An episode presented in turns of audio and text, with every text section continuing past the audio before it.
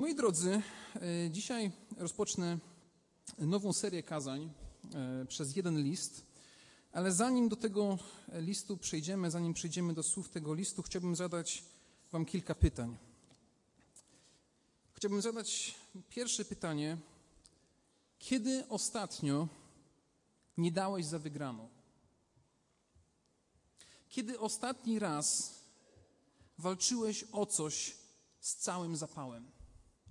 Kiedy był ostatni raz taki moment w Twoim życiu, że dałeś siebie wszystko, dałaś siebie wszystko, bo wiedziałaś, bo wiedziałeś, że to jest coś tak ważnego, że to wymaga całej Twojej uwagi, całej Twojej siły, całej Twojej energii, aby dociągnąć to do końca.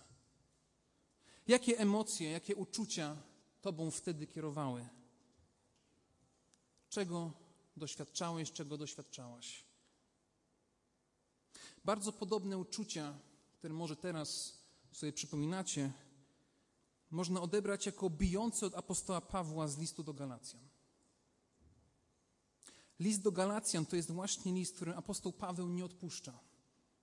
On nie daje za wygraną, on się nie cofa ani na krok. Nie idzie na żadne kompromisy, nawet kosztem być może znienawidzenia, niezrozumienia lub też po prostu niepolubienia. Co więcej, ten list do Galacjan to jest najbardziej płomienny list w Nowym Testamencie. Słowa, które apostoł Paweł używa w tym liście, dzisiaj dla wielu współczesnych wierzących mogą być trudne w przyjęciu. Mogłyby być one utożsamione z brakiem miłości, z tym, jak, jak człowiek wierzący może tak, tak powiedzieć. To nie jest podobne do Chrystusa. Jak to tak możliwe? Przykładowo apostoł Paweł w tym liście przeklina każdego, kto głosi inną Ewangelię. Mówi, niech będzie przeklęty każdy, kto głosi inną Ewangelię, nawet jeżeli to byłby anioł albo ktokolwiek inny, to ten niech będzie przeklęty. Jak to tak chrześcijanin może przeklinać kogoś? Jak to jest możliwe? W innym miejscu apostoł do tych, do których pisze, zwraca się i mówi o głupi Galacjanie. Mówi, wy głupi Galacjanie. I ponownie jest pytanie, jak człowiek wierzący, apostoł, może takie słowa kierować do tych, do których pisze. I to jest prawdziwy ogień. To jest taki ogień, to jest taki płomień, który w tym liście jest widoczny.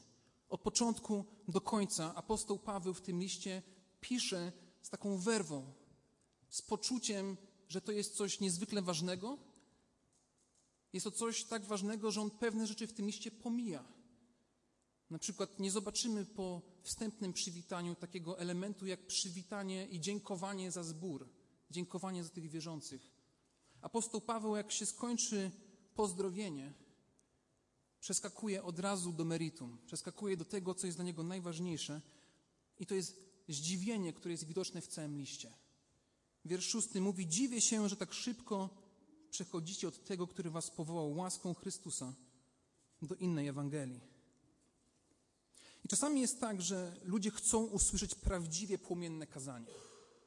Tak powiedzą, pastorze, tak daj nam, tak konkretnie. I czasami tak bywa, że pastor nie musi tego takiego płomiennego kazania wygłosić. Wystarczy na głos przeczytać list do Galacjan i zobaczyć, co tam apostoł Paweł pisze do nas. Ogień, którym tutaj apostoł płonie, nie jest wynikiem jego nienawiści do ludzi, do których pisze, ale jest przejawem głębokiej troski o ich wieczny dobrobyt. List do Galacjan jest listem, na której szali waha się Ewangelia. Ewangelia, którą on wcześniej głosił, Ewangelia, którą przyjęli, Ewangelia, którą zrozumieli, ale po jakimś czasie do tych zborów, bo to nie jest jeden zbór, to jest kilka zborów, pojawiają się ludzie, którzy nauczają czegoś nowego, czegoś innego, ale nie jest to na tyle inne, że oni to z góry odrzucają. Jest to prawie to samo. Tak bardzo bliskie, podobne. I z łatwością odrzucają to, co im apostoł Paweł głosił. List ten, jak już wspomniałem, nie jest kierowany do konkretnego zboru, Jest raczej kierowany do wielu zborów w takim regionie Azji Mniejszej o nazwie Galacja. Jest pewna debata dotycząca tego, czy te listy są kierowane, czy list jest skierowany do zborów w południowej Galacji, czy też w północnej. Ja w te dywersje wchodzić nie będę, ale bardzo możliwe, że również ogólnie był to list, który do wszystkich tych zborów był kierowany, bo te listy były przekazywane od jednego zboru do następnego. I krótko po tym, jak apostoł Paweł niektóre z tych zborów założył, głosił tę Ewangelię i był widoczny owoc jego służby, krótko po tym przychodzą ludzie, którzy odwracają i odkręcają to, czego on nauczał. I ktoś może zapytać, co jest tak strasznego w tym, co oni nauczali, że apostoł Paweł ma taką reakcję? Co wywołuje w nim taką reakcję, taką emocjonalną reakcję, że musi cały list napisać, żeby coś skorygować? I odpowiedź jest bardzo prosta. Odpowiedź jest bardzo prosta, a zastosowanie całego listu jest niezwykle trudne. Odpowiedź jest prosta, ponieważ zaczęli coś dodawać do Ewangelii. Wydaje się, że niewiele. Mówią tylko, oczywiście, wiara w Chrystusa, ale jeszcze poza tą wiarą dołóżmy tego posłuszeństwo prawu. Więc mężczyźni, wy, jeżeli chcecie być prawdziwie ludem Bożym, musicie się obrzezać. Dopiero wtedy będziecie ludem Bożym. Więc owszem, Jezus tak, ale Jezus plus coś. Musisz dołożyć to, musisz dołożyć tamto. I można to, co oni oferują, nazwać wiarą plus. Wiara plus coś. Wiara plus coś. I ten plus może być czymkolwiek, i wydaje się, że współcześnie nie ma wielkich problemów w tym, żeby chrześcijaństwo mieszało się ponownie z prawem judaistycznym. Czasami bywają takie ciągotki, ale to prawo plus może być czymkolwiek innym, co ingeruje w zbawienie z łaski wyłącznie, z wiary wyłącznie, przez Chrystusa wyłącznie. Dzisiaj czytaliśmy w liście do Rzymian o usprawiedliwieniu, jakim w Jezusie Chrystusie.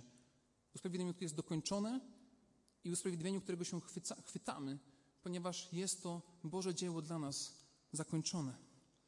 I teraz trafiamy do listu do, do Galacjan. Zachęcam, otwórzcie list do Galacjan, przynajmniej pierwsze dwa wersety. Bo właśnie z tym listem wiążą się inne tematy. To nie jest tylko o Bożym prawie, to nie jest tylko o Ewangelii, to jest wszystko to, co się z tym wiąże. Więc dzisiaj spojrzymy sobie konkretnie na apostolstwo Pawła. Dlaczego akurat apostolstwo Pawła ma znaczenie dla Ewangelii?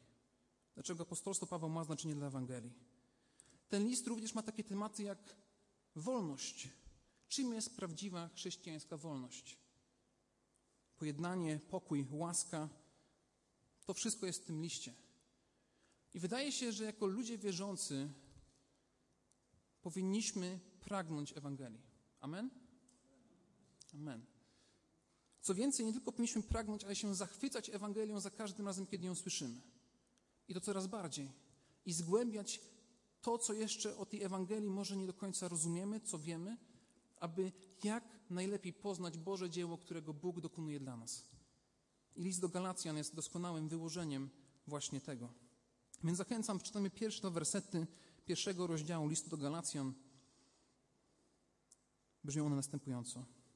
Paweł, apostoł, ustanowiony nie przez ludzi, a nie za pośrednictwem człowieka, lecz przez Jezusa Chrystusa i Boga Ojca, który go wskrzesił z martwych, oraz wszyscy bracia, którzy są ze mną do kościołów Galacji. Paweł apostoł. Paweł nie wymienia tu nikogo innego do wiersza drugiego.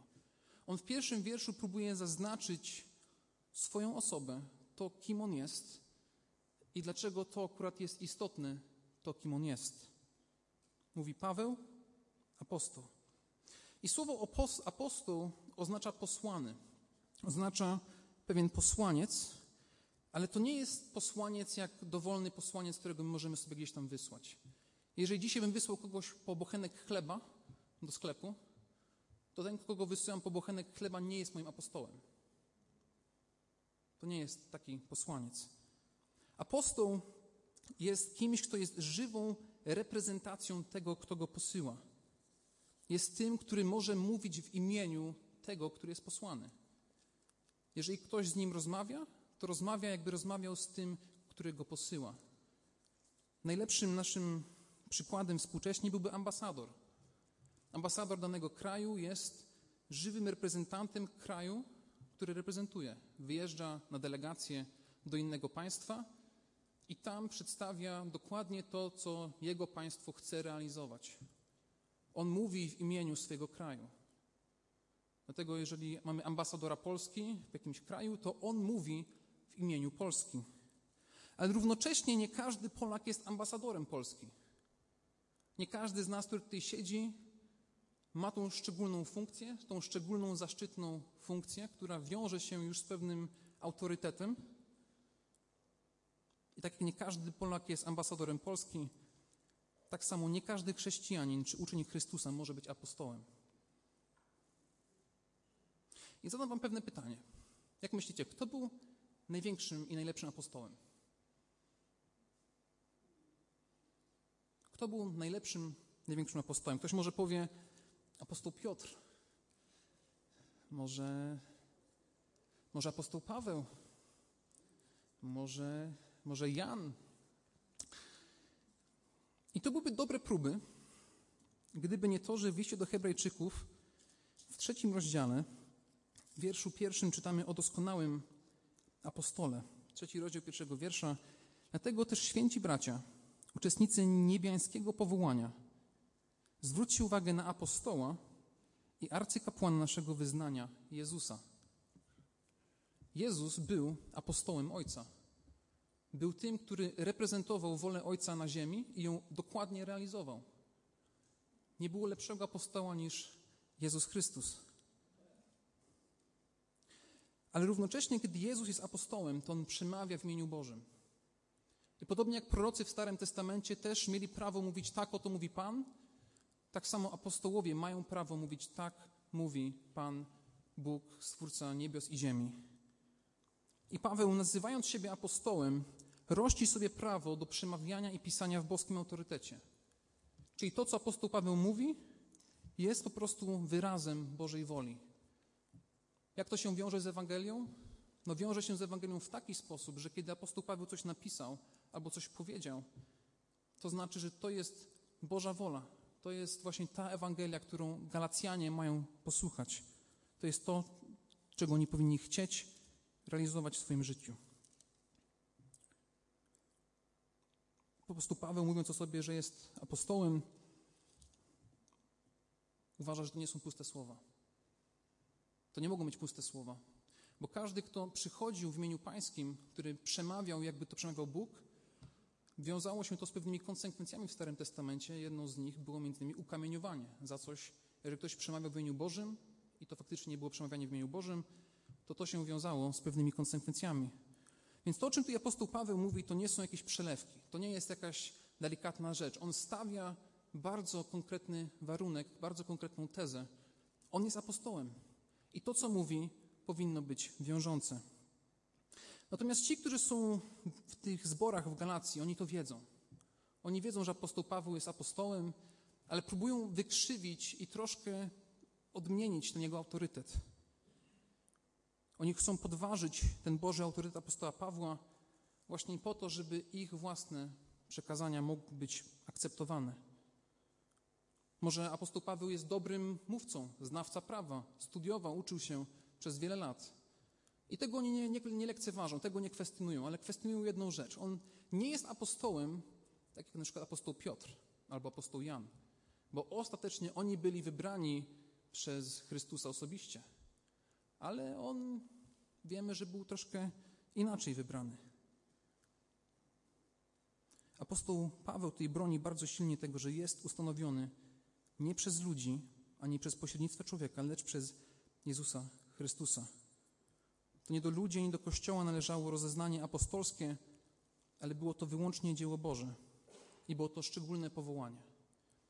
Więc pytanie, jakie były kryteria apostolstwa? Kto, kogo można było uznać za apostoła?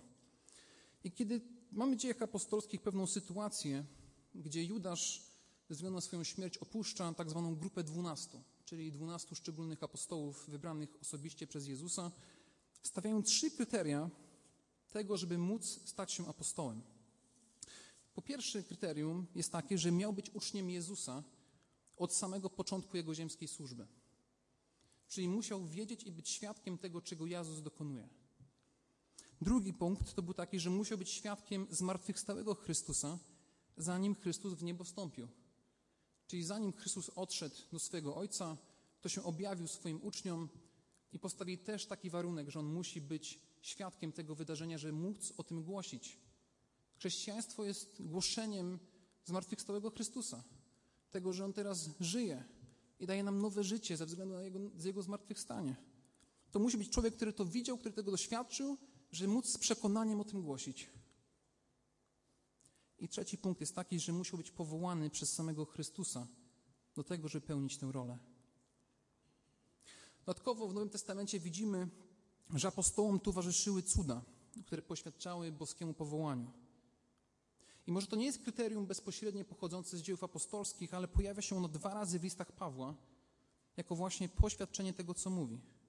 Otwórzcie proszę drugi list do Koryntian, 12 wiersz, 12 rozdział, 12 wiersz.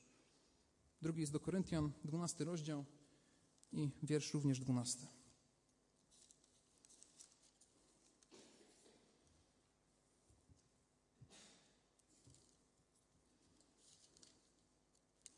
To jest też jeden z takich listów, w których apostoł Paweł też musi bronić swojego apostolstwa. To nie było takie łatwe. Czytamy: To, co rzeczywiście charakteryzuje apostoła, dokonało się wśród Was z wielką wytrwałością, zarówno przez znaki, jak też cuda i przejawy mocy.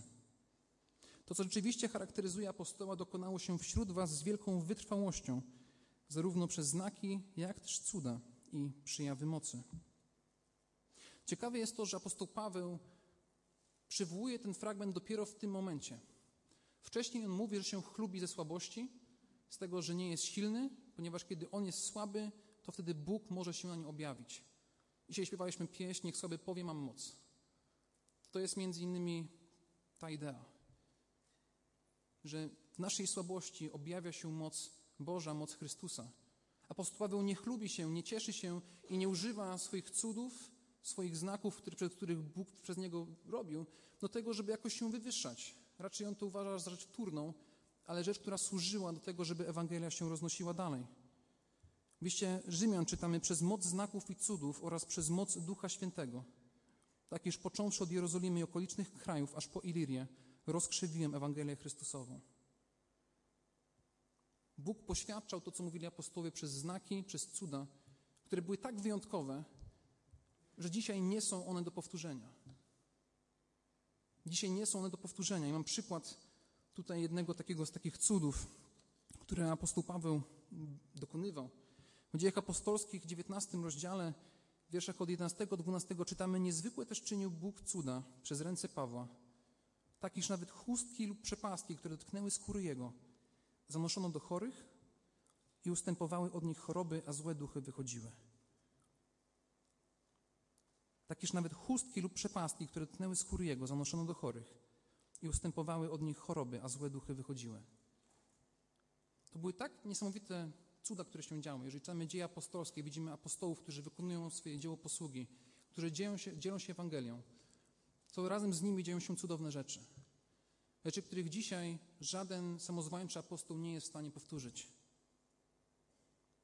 Chustki czy rzeczy, które dotykały jego skóry, zanoszono do chorych i ustępowały od nich choroby, a złe duchy wychodziły. I to nie był jednorazowy moment, to było coś, co się ciągle działo. Dlatego ludzie do nich ciągnęli, pchali i chcieli słuchać tego, co mówią. Byli ludzie, którzy się nawet fascynowali samymi cudami i nie chcieli słuchać tego, co mówią. To było tak niesamowite wydarzenie, że po prostu ludzie naprawdę chcieli tego, do nich przychodzić. I to są właśnie takie poświadczenia prawdziwego apostolatu, wskazujące na to, że on jest apostołem nie od ludzi, nie od jakiejś sukcesji apostolskiej, ale właśnie od Chrystusa. I on to dosyć silnie zaznacza. I apostoł Paweł, pomimo tego, że nie był z uczniami od samego początku, on musi bronić swojego apostolatu. On broni tego, że był osobiście powołany przez zmartwychwstałego Chrystusa. I to właśnie On dał mu mandat do tego, żeby mógł wykonywać jego zadanie. Paweł wie, że ci, którzy są w tym kościele, sprawiają zamęt, chcą odwrócić uwagę ludzi od tego, co faktycznie miało miejsce.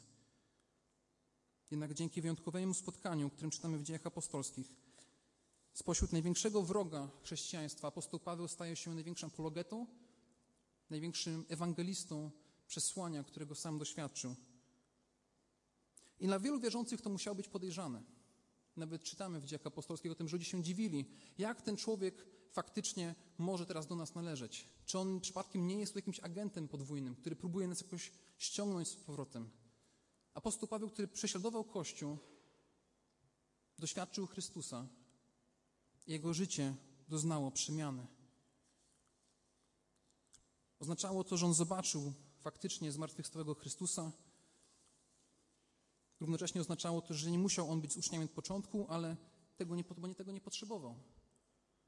On nie potrzebował przekazania daru apostolskiego od Piotra, od Jana, czy też od innych apostołów. On otrzymał powołanie bezpośrednio od Chrystusa, ponieważ on został przez Jezusa do tego zdania wybrany osobiście. I ten temat będzie się jeszcze pojawiał w tym liście. Apostolstwo Pawła w tym liście jest dość silnie zaznaczone. Jest kilka wersetów, które po prostu opowiadają historię jego nawrócenia. Bo jego historia nawrócenia wiąże się bezpośrednio z przekazem Ewangelii, którą on głosi. Jeżeli odrzuc, ludzie odrzucają Pawła, odrzucają Ewangelię, którą głosi. I apostoł Paweł zwrócił uwagę, zaznacza bardzo jasno dwie rzeczy. Apostoł Paweł ustanowiony nie przez ludzi, ani za pośrednictwem człowieka, lecz przez Jezusa Chrystusa. Mówi ani przez ludzi, ani za pośrednictwem człowieka, to jest wyłącznie Boże dzieło.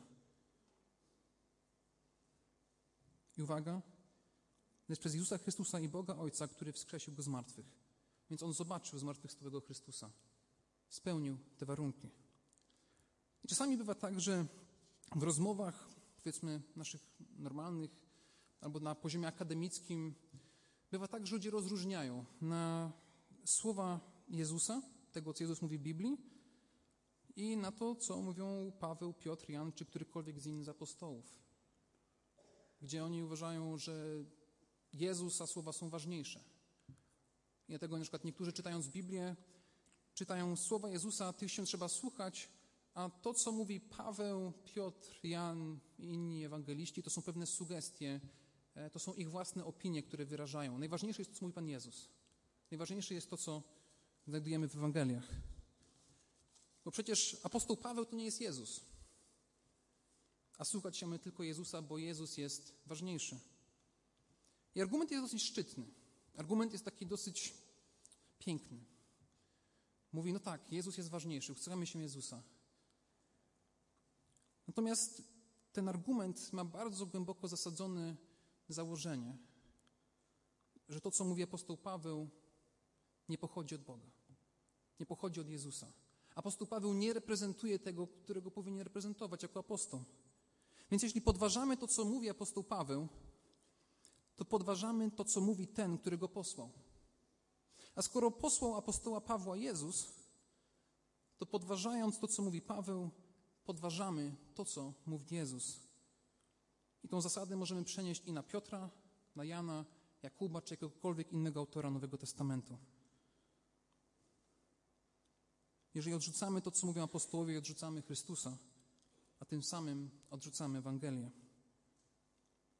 Kiedy mówimy o tym, że Kościół jest apostolski, to nie mówimy o tym, że posiadamy współczesnych apostołów, którzy mają bezpośrednie rozmowy z Bogiem i tutaj nam przywodzą. Nie mówimy też, że mamy na czele Kościoła kogoś, kto posiada dziedzictwo apostolskie. Nie, nie. Wyznajemy w ten sposób, że nauczanie Kościoła, do którego chodzimy, jest zgodne z nauczaniem apostołów. Jest zgodne z tym przesłaniem, które nasz Pan Jezus Chrystus przekazuje od samego początku. To jest przesłanie, które się nie zmienia. I to jest przesłanie, o które warto zawalczyć. Czytamy w liście do Efezjan zbudowani na fundamencie apostołów i proroków, którego w kamieniem węgielnym jest sam Chrystus Jezus. To jest fundament, który został już postawiony, my się go tylko trzymamy. Apostoł Paweł rozumie, że jego apostolstwo, to, kogo on reprezentuje, ma znaczenie dla Ewangelii. To, jak rozumiemy listy, to, jak rozumiemy to, co jest pisane, jeżeli to nie jest tak samo ważne, to, co mówi Jezus, to zaczynamy mieszać to, co tam się pojawia. I wtedy zaczynają się pojawiać takie problemy jak u Galacjan, gdzie są ludzie, którzy przychodzą od apostołów i mówią: Słuchajcie, apostoł Paweł jest ważny, tak, on ważne rzeczy powiedział, ale my przynosimy naukę od apostołów. My, my spotkaliśmy się z Piotrem, my się spotkaliśmy z Jakubem, oni nam to powiedzieli i my teraz to chcemy wprowadzić do was. Bo oni są apostołami, a Paweł nie. Jeżeli podważamy apostolstwo Pawła albo w jakiś sposób je umniejszamy, to równocześnie umniejszamy treść Nowego Testamentu, który dostaliśmy dzisiaj w spuściźnie. Jesteśmy zbudowani na fundamencie apostołów i proroków, którego kamieniem węgielnym jest sam Chrystus Jezus. Jest to prawda, która na początku wydaje się nie do końca powiązana z tym, co apostoł Paweł dalej mówi. Ale jest to pewne warstwowe spojrzenie na Ewangelię. Pewien fundament, pewne założenie, które musi istnieć w naszym rozumieniu Nowego Testamentu, w naszym rozumieniu tego, kim jest apostoł Paweł, w naszym rozumieniu tym, kim jest Chrystus i jakie jest Jego dzieło. Żebyśmy my też z Ewangelią się specjalnie nie mieszali. Żebyśmy nie stawiali siebie ponad to, co czytamy, ale żebyśmy w pokorze, łagodności serca mogli akceptować Ewangelię, którą otrzymaliśmy i którą chcemy przekazywać dalej, jako zgodną z tym, co nauczył nas Pan, nasz Pan Jezus Chrystus.